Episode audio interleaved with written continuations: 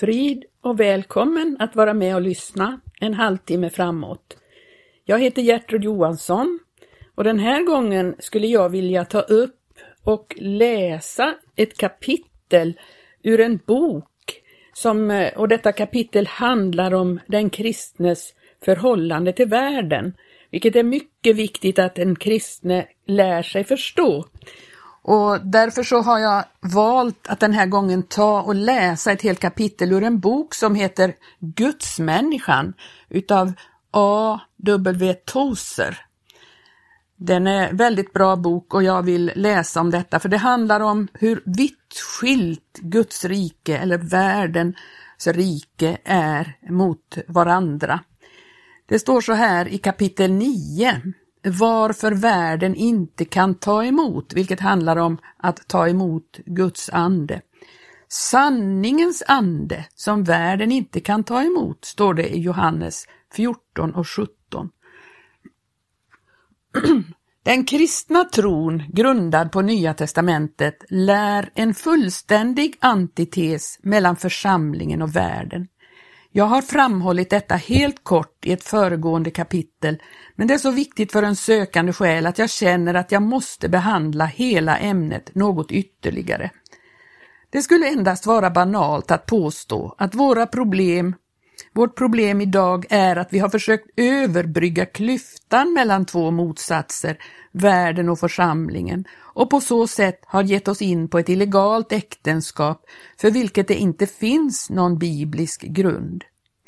I verkligheten är varje förening mellan församlingen och världen omöjlig. När församlingen förenar sig med världen upphör den att vara den sanna församlingen och blir endast en ömkansvärd hybrid. Ett föremål för världens hånfulla förakt och en styggelse för Herren. Det halvmörker som många troende vandrar i idag beror inte på någon oklarhet från Bibelns sida. Ingenting kan vara tydligare än skriftens uttalanden angående den kristnes förhållande till världen. Den förvirring som har uppstått i frågan är ett resultat av de bekännande kristnas ovillighet att ta Herrens ord på allvar. Kristenheten är så insnärjd i världen att miljoner kristna aldrig så mycket som anar hur fullständigt de har missat Nya testamentets förebild. Överallt ser man kompromisser. Världen är precis lagom vitkalkad för att bli godkänd av blinda människor som uppträder som troende men som samtidigt ständigt försöker bli accepterade av världen. Genom ömsesidiga eftergifter lyckas människor som kallar sig kristna samarbeta med människor som inte hyser annat än ett tyst förakt för andliga ting. Hela problemet är av andlig art.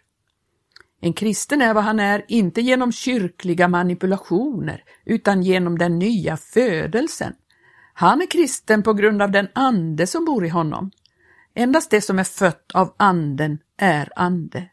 Köttet kan aldrig bli omvänt till ande, oavsett hur många kyrkliga dignitärer som arbetar på det. Konfirmation, dop, nattvard och trosbekännelse, inget av allt detta och inte heller allt detta tillsammans kan förvandla kött till ande eller göra en Adams son till en Guds son. Eftersom ni nu är söner, skriver Paulus till galaterna, har han sänt i våra hjärtan sin sons ande som ropar Abba fader.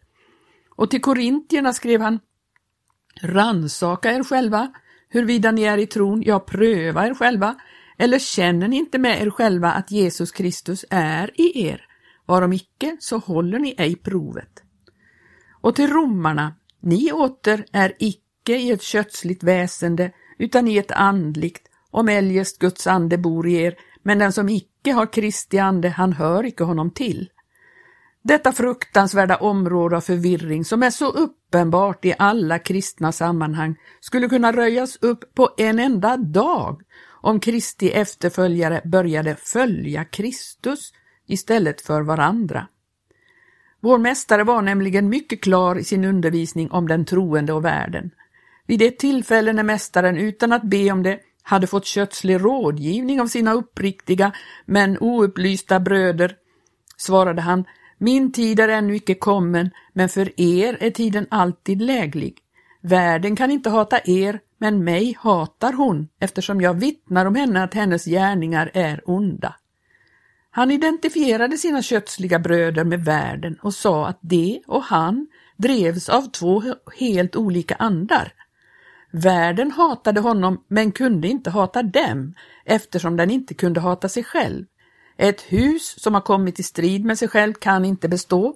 Adams hus måste förbli lojalt mot sig själv, annars kommer det att slita sig självt i stycken. Även om köttets söner ibland grälar sinsemellan är de i grunden ett med varandra. Det är när Guds ande kommer som ett främmande element har inträtt. Om världen hatar er, sa Herren till sina lärjungar, så betänk att hon har hatat mig förr än er.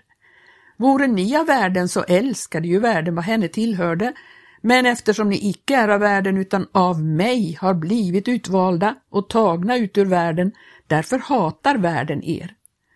Paulus förklarade för galaterna skillnaden mellan ett barn i träldom och det fria barnet. Men liksom förr i tiden den son som var född efter köttet förföljde den som var född efter anden, så är det också nu. Alltså finner vi genom hela Nya testamentet en skarp skiljelinje mellan församlingen och världen. Något ingenmanland finns inte. Herren erkänner ingen välmenad jämkningsdiplomati så att Lammets efterföljare skulle kunna följa världens föredömen och vandra fram på dess stigar. Klyftan mellan en sann kristen och världen är lika vid som det svalg som skilde den rike mannen från Lazarus. Och dessutom är det samma svalg, det svalg som skiljer de återlösta människornas värld från de fallna människornas värld. Jag vet mycket väl och känner själv hur anstötlig en lära som denna måste vara för den stora flock av världsbarn som skockas kring den traditionella fårfållan. Jag kan inte hoppas på något annat än att bli anklagad för fanatism och intolerans. Utan tvivel kommer den beskyllningen att riktas mot mig av förvirrade, religiöst sinnade personer som försöker göra sig själva till får genom olika slags fördrag. Men det klokaste är att vi ställer oss inför den hårda sanningen att människor inte blir kristna genom att umgås med kyrkfolk och inte heller genom religiösa kontakter eller religiös uppfostran. De blir kristna endast genom att få sin natur invaderad av Guds ande i den nya födelsen och när de på detta sätt blir kristna är de omedelbart medlemmar av ett nytt släkte ett utvalt släkte, ett konungsligt prästerskap, ett heligt folk, ett egendomsfolk, som förut icke var ett folk, men nu är ett Guds folk, som icke hade fått någon barmhärtighet, men nu har fått barmhärtighet. Enligt Pet, första Petri brev 2, 9 och 10. Ovanstående verser har inte jag försökt att rycka ur deras sammanhang och inte heller har jag velat rikta uppmärksamheten på en sida av sanningen för att avleda den från en annan. Undervisningen i dessa avsnitt är helt och fullt ett med all nytestamentlig sanning. Det är som att ta en bägare vatten ur havet. Det vi tar upp är inte allt vatten i oceanen, men det är ändå ett prov som är helt representativt för återstoden. Svårigheten för oss moderna kristna är inte att vi missförstår Bibeln. Det svåra ligger i att övertala våra otämjda hjärtan att ta emot dess klara undervisning. Vårt problem är att få våra världsinriktade sinnens samtycke till att göra Jesus till Herre, i gärning såväl som i ord.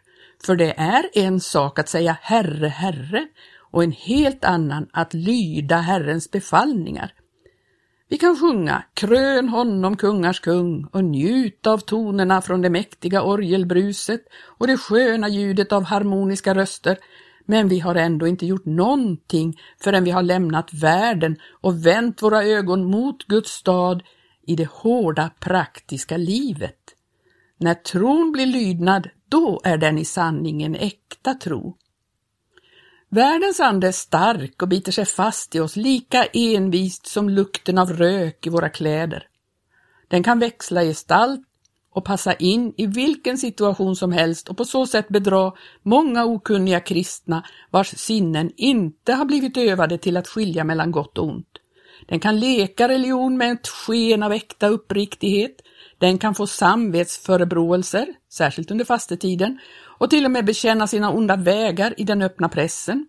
Den lovordar religionen och smickrar in sig hos församlingen för att uppnå sina syften. Den ger sitt bidrag till välgörande ändamål och anordnar kampanjer för att samla in kläder åt de fattiga.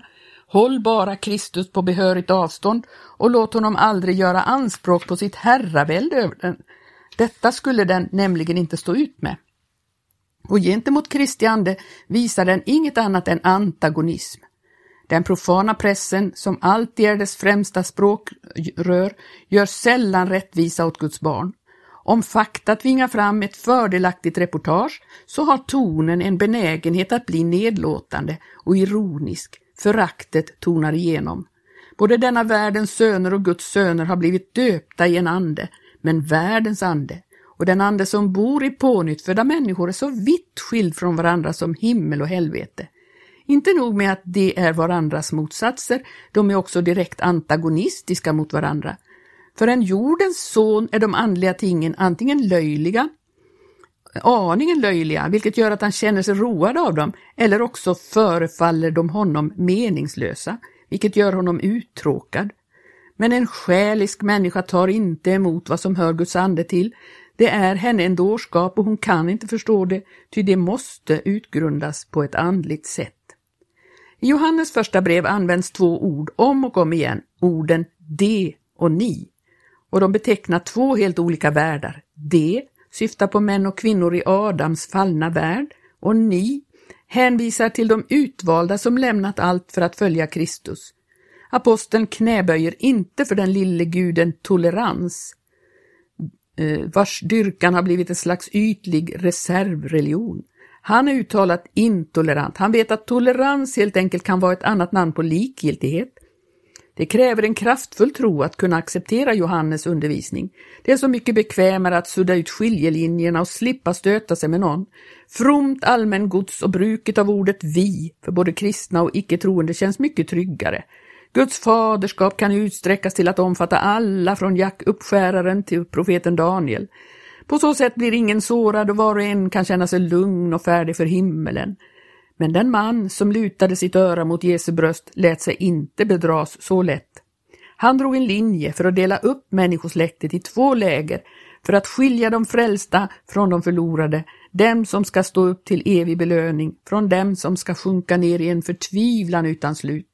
På den ena sidan befinner sig de som inte känner Gud, på den andra sidan ni, eller med byte av pronomen vi, och mellan dessa två finns en klyfta alltför vid för att kunna överbryggas av någon människa. Så här uttrycker Johannes det, ni kära barn, ni är av Gud och har övervunnit dessa, ty han som är i er är större än den som är i världen. Det är av världen därför att det talar dem vad som är av världen och världen lyssnar till dem. Vi åter är av Gud. Den som känner Gud, han lyssnar till oss. Den som icke är av Gud, han lyssnar icke till oss. Härpå känner vi igen sanningens ande och villfarelsens ande.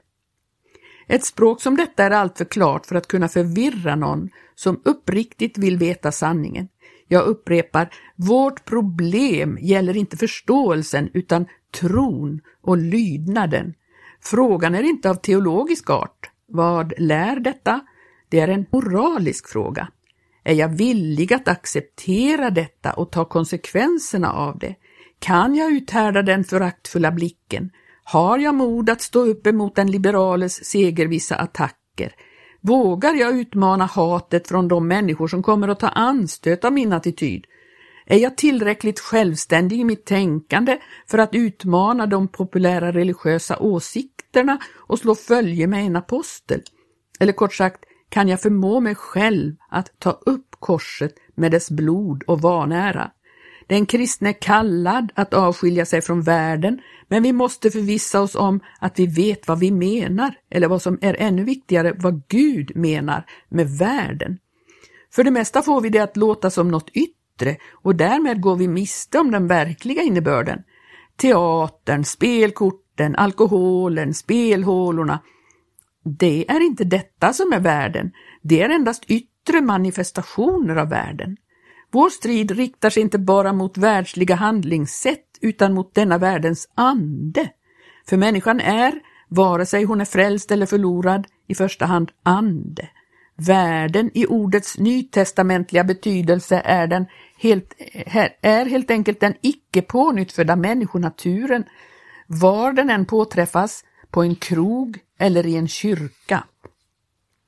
Allt som har sitt ursprung i, är byggt på eller får sitt stöd av den fallna mänskliga naturen, detta är världen, oavsett om det är moraliskt klandervärt eller moraliskt respektabelt. De gamla fariseerna hade trots sin nitiska religiösa hängivenhet en världslig natur. De andliga principer som de byggde sitt system på var inte ovanifrån utan nerifrån. De använde sig av mänskliga medel för att motarbeta Jesus. De mutade andra att ljuga till försvar för sanningen. De handlade som jävlar för att försvara Gud. De motsade Bibelns undervisning för att stödja Bibeln. De sköt religionen i sank i sina försök att rädda den. De gav det blinda hatet fritt utlopp i kärlekens namn. Där ser vi världen i dess bittra trots mot Gud. Så vildsint var denna ande att den inte gav sig någon ro förrän den hade drivit Guds egen son i döden. Fariseernas ande var aktivt och medvetet fientlig mot Jesu ande eftersom de båda var för sig var ett slags koncentrat av de två världar från vilka de härstammade. De nutida bibellärare som vill placera bergspredikan i en annan tidsålder än vår och därigenom tar ifrån församlingen dess instruktioner begriper inte vilken skada de därmed gör sig skyldiga till. Bergspredikan ger oss nämligen i ett nötskal vad som kännetecknar de pånyttfödda människornas rike. De saligt fattiga i anden som sörjer över sina synder och törstar efter rättfärdighet är rikets äkta söner. De visar saktmodigt barmhärtighet mot sina fiender. De skådar upp till Herren i sveklös uppriktighet och omgivna av förföljare välsignar dem istället för att förbanna. De döljer blygsamt sina goda gärningar, de gör sitt yttersta för att hålla frid med sina motståndare och förlåter dem som syndar mot dem. De tjänar Gud i sina hjärtans fördolda djup och väntar med tålamod på hans belöning. De avstår frivilligt från sina jordiska ägodelar hellre än att bruka våld för att försvara dem. De samlar sig skatter i himmelen. De drar sig undan beröm och väntar på den slutgiltiga räkenskapens dag då det ska visa sig vem som är den störste i himmelriket. Om nu detta är en någorlunda riktig bild, vad ska vi då säga när kristna människor tävlar med varandra om status och standard?